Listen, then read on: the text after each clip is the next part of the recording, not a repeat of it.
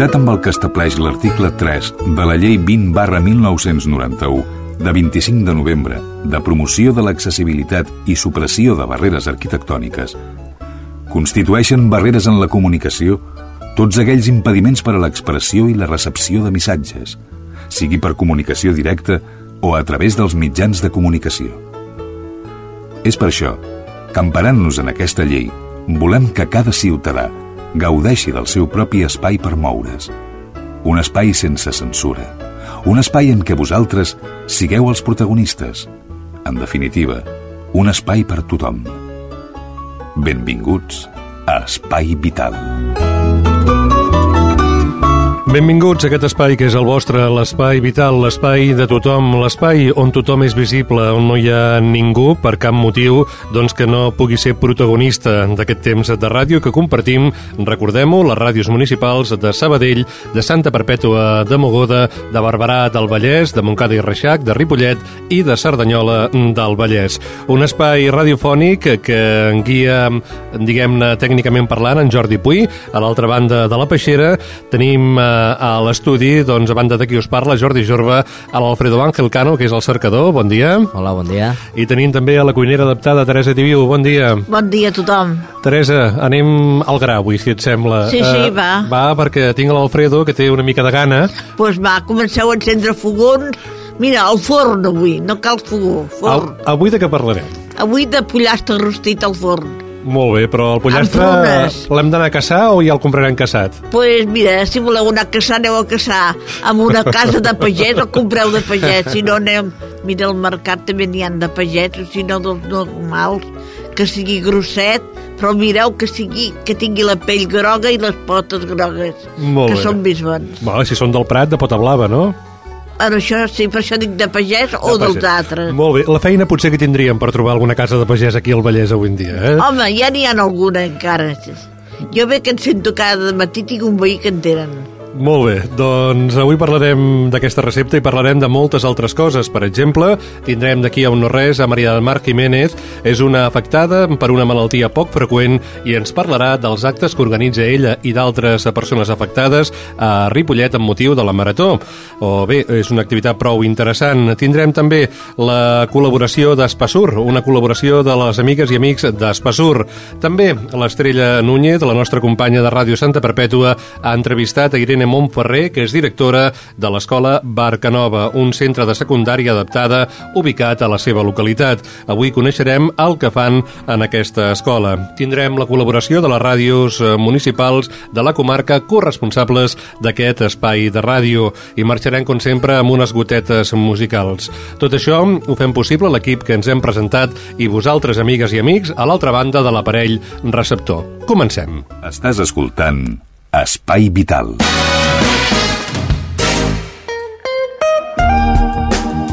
La Marató de TV3 es dedicarà enguany a les malalties poc freqüents, les malalties que tenen una incidència minoritària en el conjunt de la població, la qual cosa no vol dir que no siguin una realitat. A la població de Ripollet s'organitzaran activitats, com arreu, vaja, perquè són moltes poblacions on es faran activitats, però justament ens fixem en Ripollet perquè hi ha persones que muntaran activitats que s'han posat en contacte amb aquest programa, amb Espai Vital. Maria del Mar Jiménez, eh, bon dia. Hola, bon dia. La Maria del Mar és una d'aquestes persones que ha contactat amb Espai Vital i que ens explicarà doncs, una mica què faran a Ripollet, quines activitats faran. Eh, en concret, abans de començar, Maria del Mar, explica'm una mica quina malaltia tens tu, perquè jo sé que tu ets una persona afectada que entraria dins d'aquesta globalitat de malalties rares, tot i que sé que és una mala traducció de l'anglès que no us agrada, més aviat malalties amb poca incidència, no? Exacte. Sí, són malalties poc freqüents. Eh, doncs la meva malaltia es diu Rendu-Osler, eh, síndrome de Rendu-Osler. Això és el, el primer nom que se li dona a una malaltia quan encara no està del tot definida. Posteriorment eh, ha passat a dir-se telangiectàsia hemorràgica hereditària i és una malaltia dels vasos sanguinis que són deformes i desapareixen i tenim problemes de molts sagnats, interns i externs. Uh -huh. Amb vosaltres, eh, perquè sou altra gent, conjuntament amb tu els que munteu les activitats o els que munteu les activitats, eh, decidiu eh, passar a l'acció, per dir-ho així, i muntar activitats. Què fareu a Ripollet? Doncs a Ripollet muntarem un, diversos tallers. Un és un taller teatre que, que organitzarà la, la Careta d'aquí de Ripollet, i faran diferents actuacions. Un serà de tas teatral per a nens i nenes de 3 a 12 anys, que serà entre les 5 i mitja i les 7. I de 7 a 8 faran animació i contacontes per a nens i nenes també de 3 a, a 10 anys. I després també farem taller de biodança per a adults, que serà de 5 a 7 de la tarda. Després vindrà un pallasso a les 5 de la tarda també, eh, amb animació i després muntarem eh, i vindrà el club d'escacs que muntaran unes taules i estaran ensenyant a jugar als escacs i després hi haurà també unes taules de tennis, tennis taula, o sigui, en ping-pong, que també realitzaran unes activitats de, de ping-pong. Unes activitats I, que fareu el dissabte, dia 12. El dissabte, sí, es muntaran diferents taules a diferents llocs de centre cultural. Uns a la part de davant, on està la sala d'actes i uns altres a la part de darrere on hi ha la, on hi ha l'aula de música. Uh -huh. Unes activitats que són obertes a tota la població. A més a més, suposo que hem de fer una crida perquè tothom hi participi. Sí, doncs el, vindrà també l'Esplai La Gresca, que faran taller de maquillatge, i, i aleshores doncs, hi ha activitats per a nens i per a adults. Uh -huh. I, i aleshores perquè pugui participar tothom i cada activitat tindrà un, un preu unes tenen un preu i les altres seran la voluntat unes... per poder recaudar diners per, per la marató. I tant que sí, perquè aquesta és la finalitat última, una mica recollir sí. el màxim de diners perquè puguin dur-se a terme eh, treballs d'investigació que puguin eh, vaja, solucionar malalties, no sé, seria l'objectiu òptim, però com a mínim ajudar-vos a les persones que patiu aquestes malalties a viure una mica millor. Exactament, perquè aquests projectes entre, eh, es presentaran entre el gener i el febrer a un comitè científic de la Marató.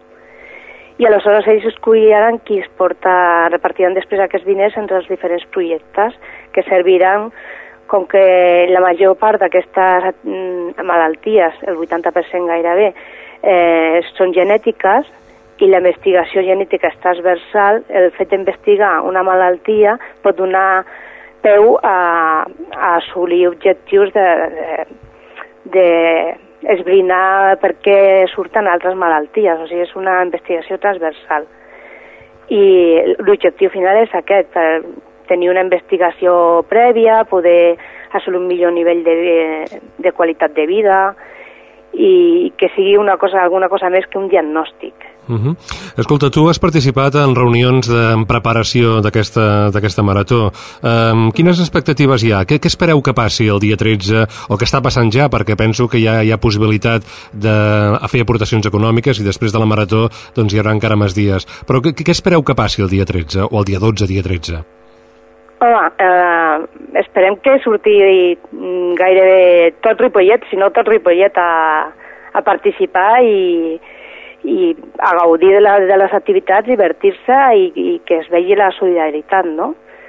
Una mica que surti la, les malalties, que siguin visibles al carrer, que la gent se n'adoni que existeixin, perquè moltes vegades s'estan com molt amagades, la gent no, no sap si no té un cas al, al costat i, i queden com poc visibles i que tothom es conscienciï i que sigui una gran festa arreu de Catalunya, que és el que pretén la, la Fundació de la Marató.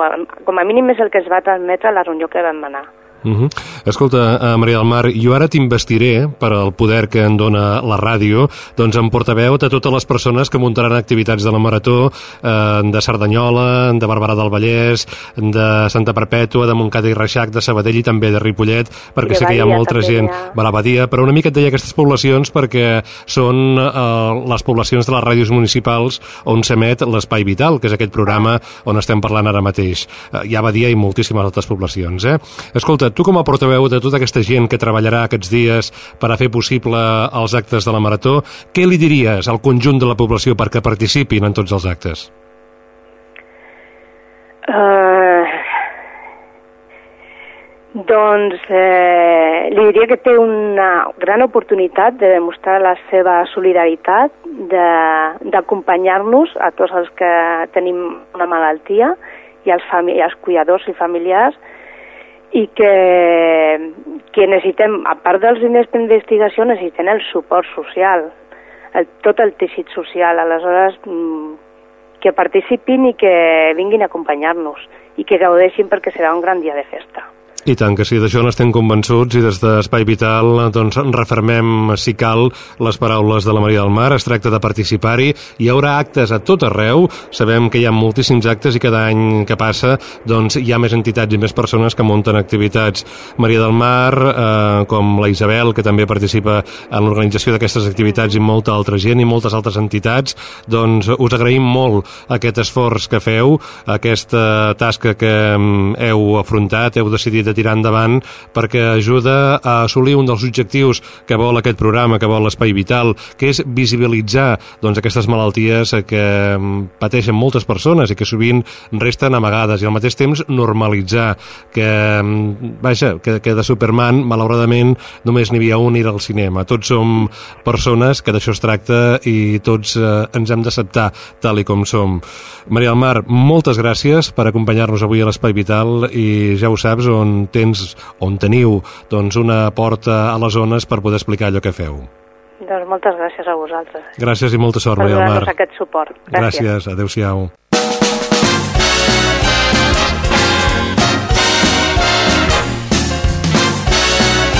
Espai Vital, el primer programa adaptat de les zones.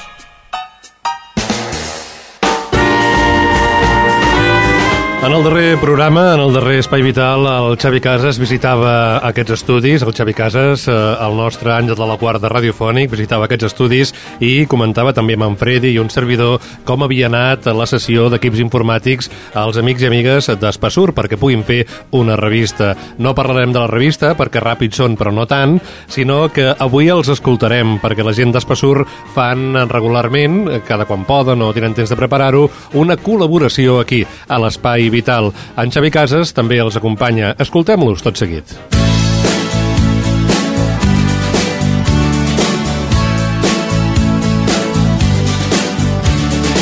Every time I look into your loving eyes.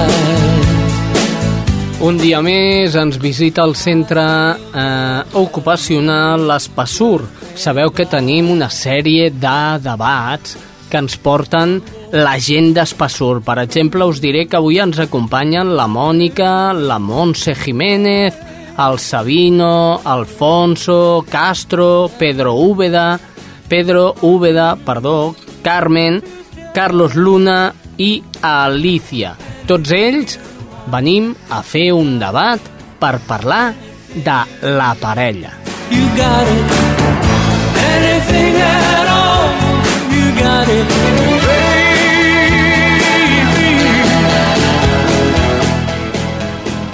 Un altre cop aquí. Mm, què tal? Com esteu? Com han anat aquestes vacances? Muy cortas, todo lo bueno se acaba pronto. Nos tendrían que, que haber dado dos meses más de vacaciones. Yo me apunto. Dos meses y tres, si hace falta. Soy me entero de que ha sido papá. Pues sí, y de una niña preciosa. Se llama Ana. ¿Tanta tu experiencia como padre?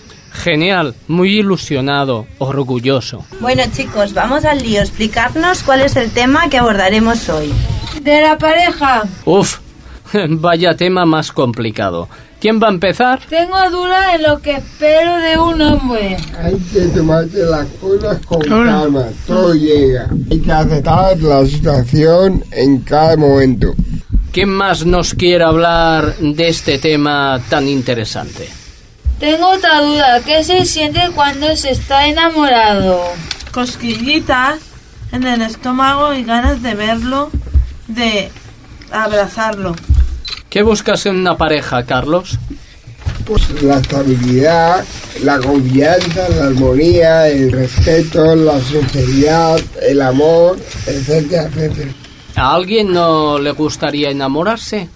A mí no, porque tengo miedo al fracaso. No tengas miedo y lucha volviéndolo a intentar una y otra vez hasta que consigas encontrar el amor. ¿Creéis en una buena amistad después de la separación? Sí, pero es complicado porque puede quedar la llama del amor en cualquiera de las dos partes y entonces no pueden tener esa amistad. Yo creo que la separación es más trágica cuando hay un matrimonio con hijos. Y los hijos a veces pagan los errores de los padres. ¿Qué pensáis de los homosexuales? Y estas relaciones no las entiendo, porque creo que lo más sensato es un hombre y una mujer. ¿Alguien no está de acuerdo con Alfonso? Yo estoy a favor porque cada persona tiene derecho a ser libre y escoger el amor. Yo antes no estaba de, de acuerdo, pero ahora sí. ¿Por qué, Carmen? Porque yo tengo un amigo homosexual y a verlo tan feliz he aceptado este tema. Cuando yo tuve un fracaso amoroso empezó a gustarme una chica y me consideré durante ese tiempo bisexual. ¿Ahora también estás en esa situación? No, ahora solo me gustan los hombres. ¿Cuál creéis que es el secreto para que una relación funcione? El respeto, el cariño que le tienes a esa persona, la confianza, la sinceridad, la amistad y el apoyo el uno al otro. Las, las ternuras y los mimos. A mí me gustaría preguntar, ¿qué son los celos? La desconfianza hacia la pareja. ¿Crees que los celos pueden llegar a ser una enfermedad? Sí, porque son malos y pueden estropear la pareja. ¿Creéis que el amor se va perdiendo con el tiempo? Yo creo que al principio sí existe el amor, pero poco a poco y con la convivencia se convierte en cariño y amistad.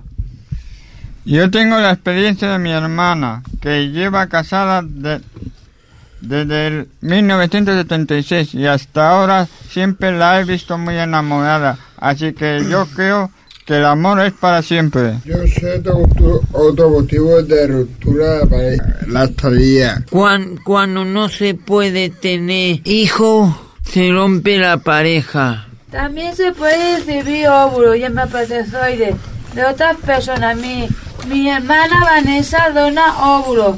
Así esa pareja se puede salvar. Yo creo que después de toda esta información hemos aprendido muchas cositas de la pareja. Sí, yo propuse este tema porque tenía muchas dudas y ahora todas tienen respuesta y me siento satisfecha. Me alegro, Mónica. Ha sido un placer enorme recibir otra vez vuestra visita. Me encanta que colaboréis con Spy Vital. Y solo decir que gracias y hasta pronto. I molt bé, eh, després d'aquest eh, programa, el tercer de la temporada, volem des d'Espai Vital donar un bon Nadal per tots els que esteu a Espassur i ens seguiu i a més col·laboreu amb nosaltres.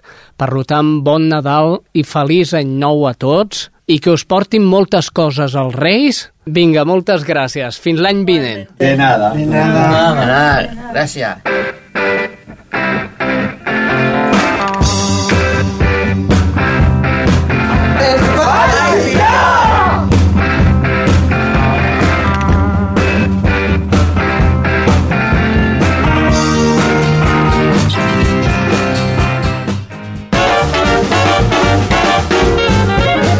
Avui, avui estrenem coses. Aquesta promoció que acabem d'escoltar, aquest cop que acabem d'escoltar, millor dit, doncs l'han fet també els amics i amigues d'Espassur.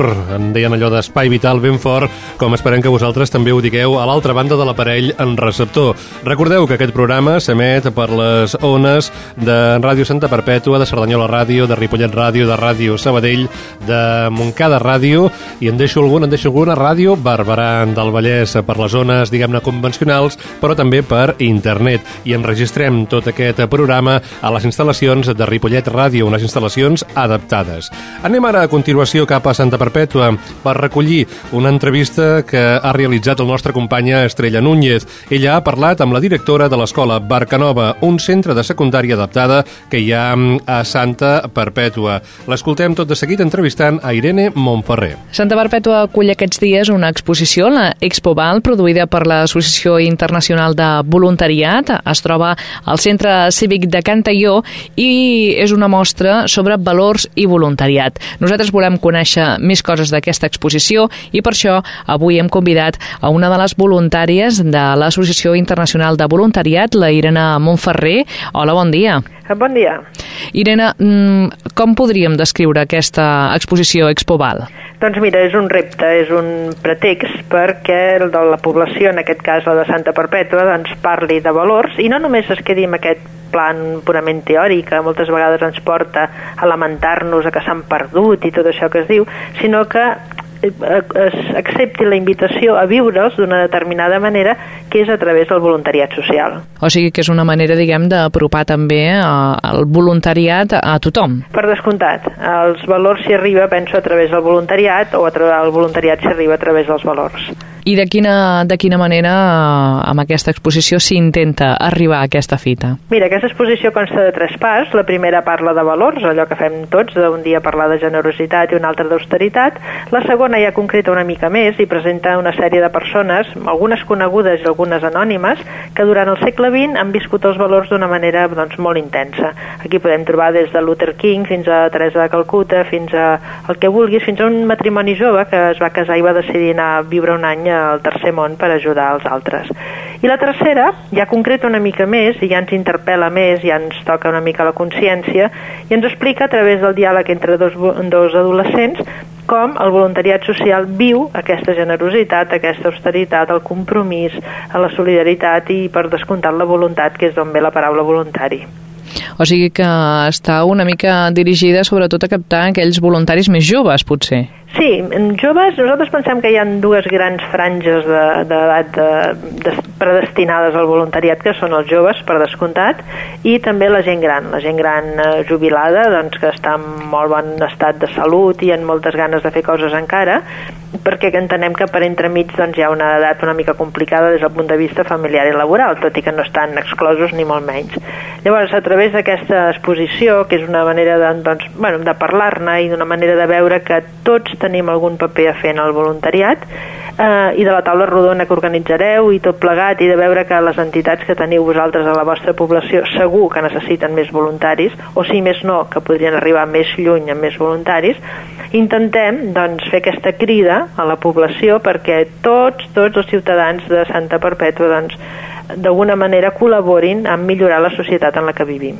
Des de l'Associació Internacional de Voluntariat, com creieu que, que viu actualment la societat? Això del voluntarisme i del voluntariat és un, una cosa que ha quedat uh, una mica relegada o desfassada o en canvi està allò en ple, a, a ple rendiment? A veure, ple rendiment no, tant de bo, no? I tant de bo fins i tot no fes falta el voluntariat, però eh, sí que passem per uns moments en què doncs, la feina, la crisi, si tu vols, eh, un cert desànim, penso, a nivell social, doncs ens porta a pensar doncs, que els polítics i que els ajuntaments i que eh, els governs ja arreglaran tots aquests eh, mals, totes aquestes manca mancances bàsiques que pateix una bona part de la societat eh, nostra, fins i tot. No cal anar a parar al tercer món, el quart món és, un, és una pobresa, bueno, no sé si oculta ja, era oculta abans, ara potser ja la veiem fins i tot en, no en el carrer, sinó en els nostres veïns, i per tant, en aquests moments que diguéssim no és un moment àlgid del voluntariat, més que mai cal dir que tothom té una miqueta de temps,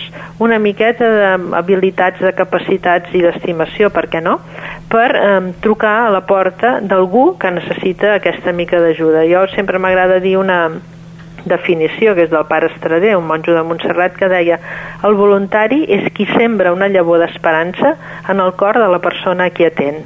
I penso que és més, més això, i res més que això, no cal afegir-hi res més. A aquella persona doncs, que necessita, bueno, potser no té cap necessitat material, però necessita doncs, algú que l'escolti, algú que l'acompanyi, algú que li ensenyi, algú que, que el faci veure que és important en, en aquest món i que no, no forma part d'una exclusió tan gran i tan marginal que patim avui dia, doncs aquesta és la feina del voluntari, una feina que no pot ser remunerada de cap manera i que entre tots penso que la podem dur a terme, cadascú a la seva mesura, cadascú dintre les seves possibilitats i per descomptant atenent el col·lectiu de, persones excloses que, que més hi vingui. Hi ha gent que diu jo, mira, m'agrada molt i em sento molt bé acompanyar a persones grans, l'altre pot donar classes de català doncs, a immigrants, l'altre pot acompanyar, jo que sé, o donar, fer suport escolar a nens que en tenen necessitat. I hi ha mil feines per fer. Jo penso que una adaptada a cada una dels ciutadans de la vostra població. O sigui que hi ha molta feina a fer, això sempre ens ho diuen les entitats que afortunadament tenim en el municipi, que, que sempre ens diuen que evidentment la gent moltes vegades es pensa que és que necessita molt de temps per, per no. invertir i que clar, els hi costa això d'apropar-se i quan s'apropen i els expliquen que, que cadascú pot invertir el temps del que, del que disposi, del que vulgui disposar, doncs més d'un queda com una mica parat, no? Perquè es pensen que és com, com una mena de sacrifici, no? No, no, no, no, i a més a més, eh, amb qualsevol voluntari que parlis et dirà que la satisfacció del que dona és més gran que la satisfacció del que rep. I per tant només és una mica addicció, no? Només cal posar-s'hi en el voluntariat com per rebre una satisfacció de sentir-se bé, de sentir-se a gust amb un mateix i després no poder-se escapar ja. En aquesta situació que deies eh, que més d'una família ho està passant una mica magra, eh, això vol dir que potser a partir d'aquí mm, neixin més voluntaris? Mm, jo espero, espero, la societat ho està demanant. Tenim una immigració increïble, tenim un col·lectiu de gent gran que va, en, en, es va incrementant. Tenim nens doncs, en situacions realment que necessiten atenció preferent. I, bueno, i tenim, a vegades tenim el veí de l'escala, que també necessita algú que una estona passi a parlar amb ell simplement perquè se sent sol, no? A partir d'aquí, la societat mateixa, jo penso que hauríem de deixar de, ja de queixar-nos del que fan els polítics, del que deixen de fer i de lo malament que estem, per posar el nostre granet de sorra en aquesta millora que, per descomptat, si cadascú hi posa una mica del seu temps, entre tots aconseguirem, per, estic segura. Aquesta exposició de l'Associació Internacional de Voluntariat suposem que ha recorregut altres municipis. I tant, ha anat per tot Catalunya i fins i tot eh, ha anat a Honduras, una versió adaptada doncs, a, la, seva població eh, pel que fa a la segona part, que és la de personatges que han viscut els valors, i també ha anat a Andalusia i a les Illes Balears. O sigui que estem parlant d'un llarg recorregut. I tant. Una llarga crida, és una crida que no té fronteres. Doncs esperem, esperem aviam si aquesta crida fructifica a Santa Perpètua, esperem-ho així amb aquesta mostra Expoval que ens apropa a l'Associació Internacional de Voluntariat. Estem segurs. Irene Montferrer, gràcies. Gràcies a vosaltres. Això és Espai Vital.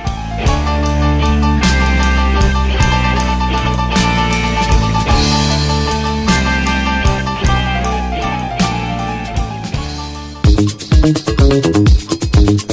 Comencem la roda per la comarca. Avui no sé pas si ens hem de posar calça curta o màniga llarga, com fa en Piqué, el jugador de futbol, perquè mm, tot i que fa bon temps, aquí a la comarca eh, també som al desembre i la temperatura ha baixat. Bé, en tot cas, cadascú que faci el que vulgui, nosaltres començarem aquesta roda per la comarca i ho farem amb Montcada i Reixac. Montcada i Reixac, que ens envia un missatge amb informació escrita, no ens la poden enviar, diguem-ne, a través del telèfon. Montcada i Reixac, i la comento jo mateix, ha celebrat jornades sobre salut mental i joves. Aquestes jornades s'han celebrat, s'han eh, han tingut com a seu el Cursal, una activitat organitzada per la Regidoria de Salut Pública i Consum. L'objectiu de la trobada era oferir als tècnics i especialistes en aquest àmbit un espai de reflexió i intercanvi per treballar l'entorn de l'adolescència, identificar actituds i situacions que promouen la salut i alhora explorar el rol professional en la promoció de la salut mental des dels municipis. Entre d'altres, el contingut les sessions ha inclòs una visió evolutiva de la infantesa, l'adolescència i la joventut vinculada a la salut mental, l'efectivitat i la sexualitat en l'adolescència, així com tallers pràctics i debats participatius. Aquestes informació de Montcada. Saltem a Ripollet, o no ens movem de Ripollet, perquè recordem que Espai Vital es grava a les instal·lacions de Ripollet en ràdio. La Laia Prats, companya de Ripollet Ràdio, ens aporta l'actualitat del seu municipi, tot parlant-nos de la implantació de la recepta electrònica. Hola, amics d'Espai Vital. El passat 29 de juny, el Servei d'Atenció Primària Cerdanyola-Ripollet va iniciar el procés d'implementació de la recepta electrònica i l'està estenent progressivament. El 80% dels metges de capçalera i pediatres dels centres ja utilitzen aquest sistema, que suposa un avenç molt important en la millora de l'atenció sanitària als pacients, en què l'ús de les noves tecnologies es posa al servei del ciutadà. La recepta consisteix a integrar la prescripció i la dispensació del medicament via electrònica i a temps real. El metge deixa de fer receptes per prescriure un pla terapèutic per a cada pacient. Aquest pla terapèutic recull la informació de tot el tractament farmacològic i serà la clau que donarà el pacient a la farmàcia per tal que pugui consultar les seves dades i li pugui dispensar la medicació que li toca per aquell mes només presentant la seva targeta sanitària. Fins a aquest moment ja s'han inclòs a la recepta electrònica aquells pacients amb més facilitat per adaptar-se a aquest nou sistema de prescripció i dispensació de medicaments. Això és tot des de Ripollet. Marxem cap a Cerdanyola del Vallès. En Rosa Morante, dels Serveis Informatius de Cerdanyola Ràdio, ens comenta com va anar la celebració a la seva ciutat del Dia Internacional de la Discapacitat. Salutacions, Espai Vital des de Cerdanyola Ràdio. El Dia Internacional de les Persones amb Discapacitat eh, Cerdanyola se sumava a través de l'Oficina Tècnica del Pla d'Inclusió a la celebració, organitzant un ampli programa d'activitats que començava el passat 30 de novembre i que va culminar el mateix dia 3. L'acte central es feia al Teatre de l'Ateneu i va comptar amb la lectura d'un manifest i la xerrada de Chiqui Trepax, autor del llibre Som capaços, aprenem a conèixer les discapacitats, que s'ha editat i distribuït aquests dies amb motiu de la Diada. També dijous passat, i dins del programa Cerdanyola Educa, la Federació ECOM va oferir l'obra de Titelles Companys de Barri al públic escolar del municipi en diverses sessions matinals a l'Ateneu. A més, la Creu Roja va organitzar al mateix Ateneu una arca en la que es van recollir tots els desitjos amb motiu del Dia Internacional de la Discapacitat i per acabar la jornada, Xisnèfils va projectar la pel·lícula El truco del manco. El Dia Internacional de les Persones amb Discapacitat se celebra a Cerdanyola des de l'any 2003 i ha estat impulsat pel Servei de Promoció Social en el marc del treball conjunt amb la Comissió de Discapacitat del Consell Municipal de Promoció Social i de la Salut. En l'edició d'aquest any, l'Oficina Tècnica del Pla d'Inclusió de Cerdanyola ha estat l'encarregada de liderar aquesta activitat. En les activitats del programa han participat la Biblioteca Municipal, Fantos Fric, l'Assemblea Local de la Creu Roja, Signetfils, la Federació ECOM i la Comissió de Discapacitat del Consell Municipal de Promoció Social i de la Salut. I això és tot per avui des de Cerdanyola Ràdio. Anem ara a Ràdio Barberà. Judit González ens explica com va anar en aquesta ciutat la celebració del Dia Mundial de la Sida. Salutacions des de Ràdio Barberà. La nostra ciutat s'ha afegit a la celebració de l'1 de desembre, Dia Mundial de la Sida, i per fer-ho ha realitzat diverses activitats. El mateix dimarts, la plaça de la Vila va acollir un punt d'informació del VIH-Sida per alertar sobre aquesta malaltia. A més, també es va dur a terme un taller de xapes on els assistents van poder realitzar les seves pròpies xapes amb lemes i logos. El dijous a la tarda, l'Espai Jove al Forat va acollir el passi del curtmetratge Sexo Seguro, a càrrec de l'associació Sida Estudi.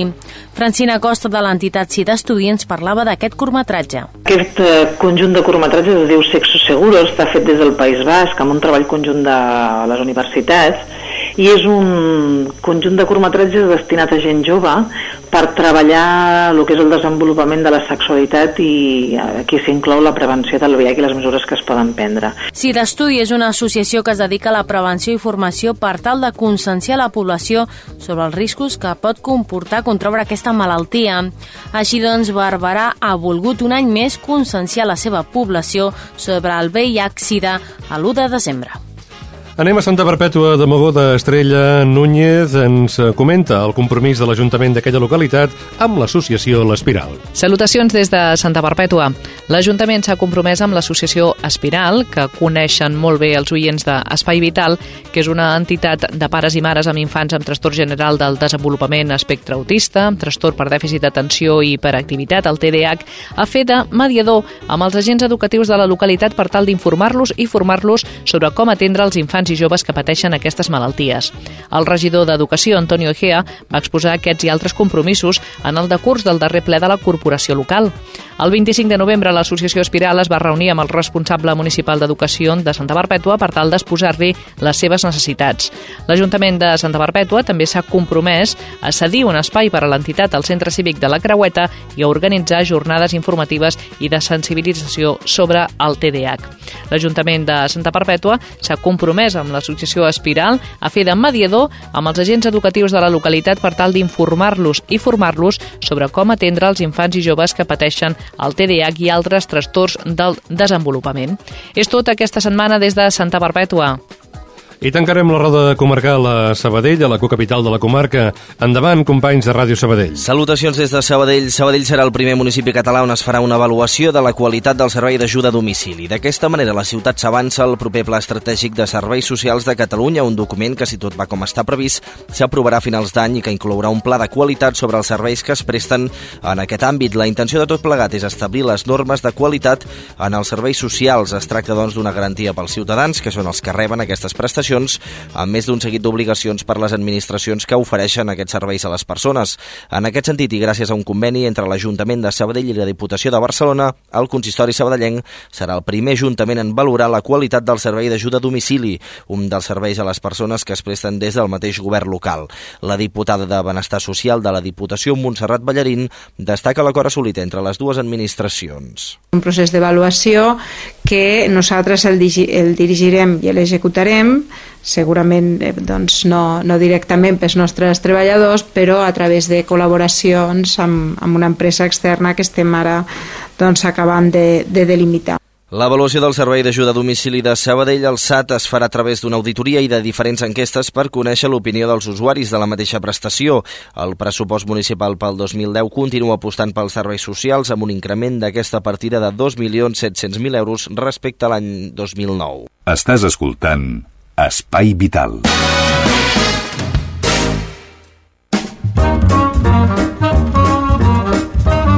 Ben preparats, ja anem directament cap a la cuina. Teresa, eh, cap a la cuina cal anar amb gana o, o convé que anem dinats? No, no, cal anar amb gana sempre. Perquè Sempre? si fas menjar i que veus que ningú té gana i que queda allà a la cassola, pues, jo no m'agrada gaire, tothom que vagi amb una bona gana. No, però t'ho dic perquè, clar, si tu has de cuinar i tens gana i tu menges, eh, no sé pas si és bo, això. Ah, Bueno, les cuineres ens ha dir amb l'olor ja quedem tipes. Molt Això bé. és el que diuen, eh? Això és el que diuen, però em sembla que no, eh? No. Perquè tu ets bona menjadora, també. Sí, gràcies a Déu sí. I- i Perquè la- tingué de menjar puré i peix bullit cada dia, Malament, en sense sal i apenes oli, malament. pues malament. I dius, bueno, per lo que faig, pues mira, anem aguantant. Em troben la pressió bé, estic tot bé, pues mira, penso, pues mira, anem aguantant d'aquesta manera. En tant en tant, si donen alguna coseta, pues benvinguda sigui. Molt bé. L'Alfredo Àngel també és un bon menjador i avui em sembla que està content perquè, perquè tocarà el tema de la carn. Sí, sí, sí, estic contentíssim. I està tan content que avui he anat fins i tot a comprar aquest pollastre Ah, sí, que sí. cuinarem, un pollastre de pagès eh, que la Teresa ens el presenta amb prunes. És un plat tradicional de Nadal o Sí, de festa sí, grossa, sí, sí. Com ho hem de fer això, Teresa? Mira, un pollastre. Jo dic de pagès, però com vulgueu, un pollastre que sigui grosset, perquè si se'l colla anirà més bé, perquè després coll, pedrer totes les puntes de les ales, doncs podeu fer caldo. Demaneu a la polleria que us la facin a trossos, que en quatre us resulta més. Vosaltres mateixes, doncs després ja ho poseu. Agafeu una cassola i poseu oli. Si voleu també poseu, perquè no sigui tot oli, 50 grams de llard. Llard allò de, de, no, De, de porc, de per porc, exemple. sí. Perquè hi ha molta gent que pensa que és mantequilla. Dic, no, no, és de porc. Perquè no, no se n'hi posa, però jo per Nadal sempre m'agrada posar-n'hi en el pollastre. Queda més amorosit, no Més sé. melós, no? Sí, més bo. pues posem l'oli, la, la, La llar. el llar, posem la ceba, una ceba grossa tallada en, en 6 o 7 o 8 trossos posat allà dintre. Agafeu dos tomàquets també. El tomàquet els talleu quatre trossos cada un. Quatre dents d'all, també. Els peleu, els poseu allà dintre. Un tros de canyella. Un parell de fulles de llavorer. I ho poseu tot allà dintre. Hi poseu el tall també allà dintre. Agafeu una llimona, jo tinc costum d'agafar una llimona i ruixar-ho tot amb una llimona. Tirar-hi la sal i una mica de pebre. Poseu el forn per sota, ho tapeu amb, la, amb una tapadora, ho tapeu i ho deixeu que es vagi fent en mica en mica i deixar anar tot el seu suc. Quan ho tingueu ja aneu de tant en tant allò destapant i anar donant voltes, però s'ha de dir que en mitja hora al forn eh, per sota allò una temperatura d'uns 170 graus i podeu estar tranquils que no s'us agafarà. I aneu fent altres coses. Poseu 200 grams de prunes en sense pinyol en remull, allò una miqueta d'aigua calenta. Quan hagin passat allò mitja hora ho mireu i tireu les prunes i tireu també, no m'hi han recordat, un rajolí allò, o mitja copa de, de brandy, allò de conyac. Ho tireu també, ho ruixeu. Després, sí, ho destapeu per sobre i obriu pel grill de dalt, que us vagi fent, o podeu a dalt i a baix, si tingueu a dalt i a baix, doncs a dalt i a baix. Ho poseu també a temperatura mitja a 150, 170, que ens crec. Això és 50, heu d'anar vigilant que no s'us crevi. I així es quedarà més torradet i poseu també ha les prunes el brandy, sí, ja ho he dit i espero que us agradi després és cosa de potser mitja hora més o un quart d'hora però que es vagi fent en mica en mica queda més bo, queda més concentrat tot i espero que us agradi molt bé, i tant que sí, aquí el Freddy ha anotat tota la recepta i jo no sé si el Freddy és de pit o de cuixa. Jo, de cuixa. De cuixa. I tu, Teresa, què t'agrada més, el pit Jo- o la cuixa? Ales, Les ales? les ales Molt bé, les ales.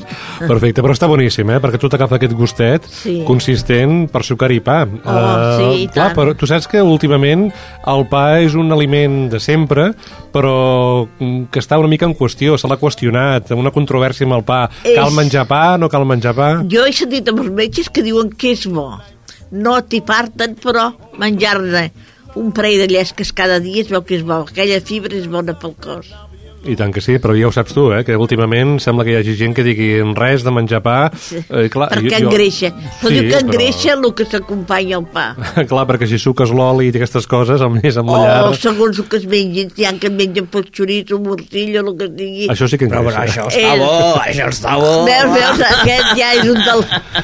Aquest és un dels que menja, diguéssim, el pa acompanyat, eh? és això Bé, també hi ha aquella dita castellana que diu en castellà que diu pan con pan. Eh? comida de tonto També, també, però vaja, si no hi ha cap altre aliment, també el pa, Home, el pa és és bo. que el pobre si no té res més que pa pues ha de menjar pa Molt bé, doncs avui pollastre rostit amb panses, amb prunes, no, amb prunes, amb prunes, amb prunes. Oi, encara us diré un altre truco. A les prunes, si teniu caralleta, eh, si tenen paciència, les poden anar, perquè que tenen un forat perquè s'ha tret el pinyol, doncs hi poden anar omplint aquelles prunes de pinyons.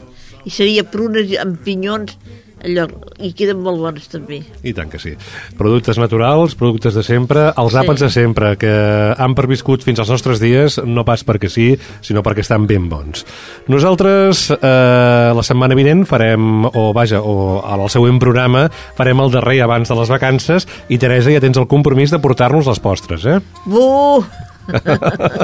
No, hem anat repassant, hem fet escudella, hem fet cardolla, ara fem el pollastre... Bueno, jo anava a dir una de cosa de peix, una, una sarsuela. Podíem Doncs les dues coses. dia. Mira, una mica de sarsuela, però també apunta'ns algun suggeriment per les postres. Per les postres? Ah, bueno, pues si et ningú. Molt bé. Doncs ens els dius en el següent programa. Ara anem directament cap a la secció del nostre cercador.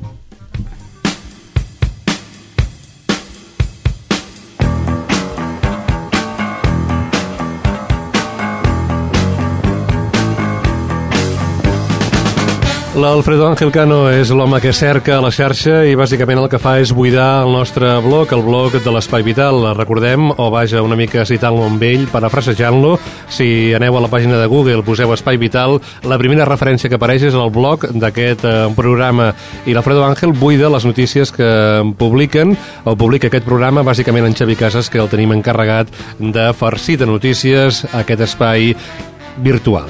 Uh, Alfredo Ángel, Freddy, què, què, què ens portes avui? A veure, avui porto que la crisi ha reduït un 39% les baixes laborals i la seva durada per perdre la feina. Segons diversos treballs, treballs presentats al Congrés Nacional de la Societat Espanyola de Medicina de Família i Comunitària, que se celebra a Barcelona.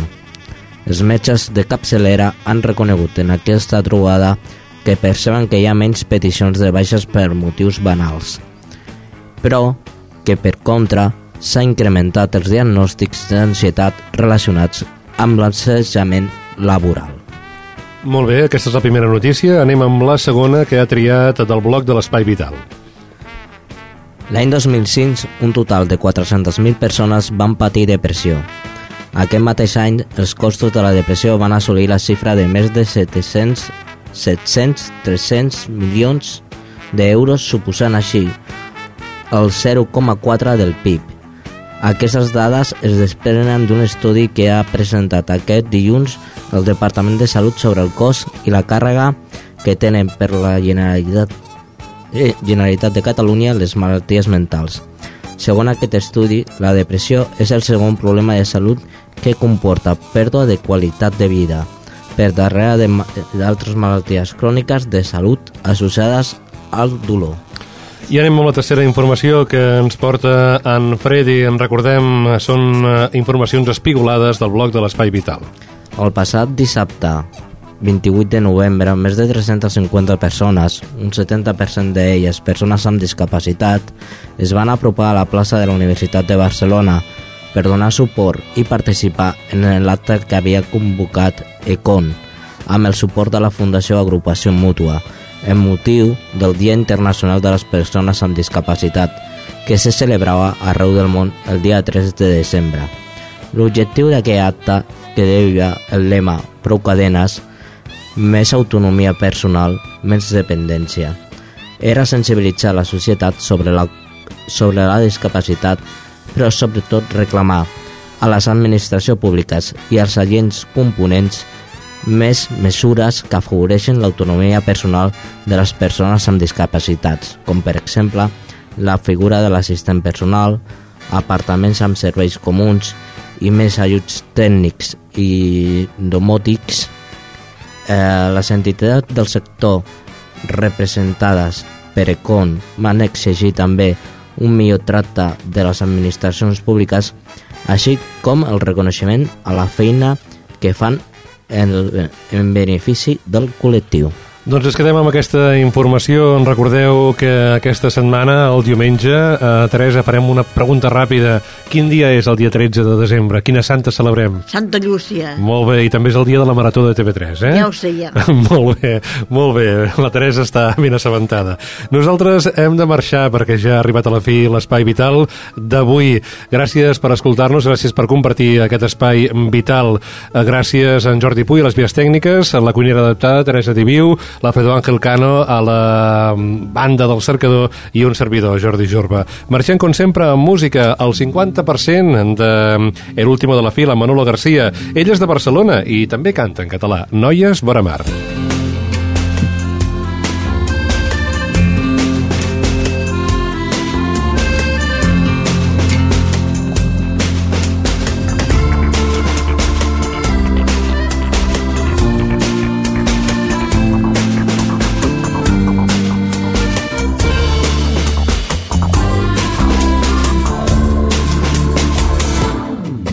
S'arcava d'escanar la plata la sala sagrada serena va passar la barca enlaire la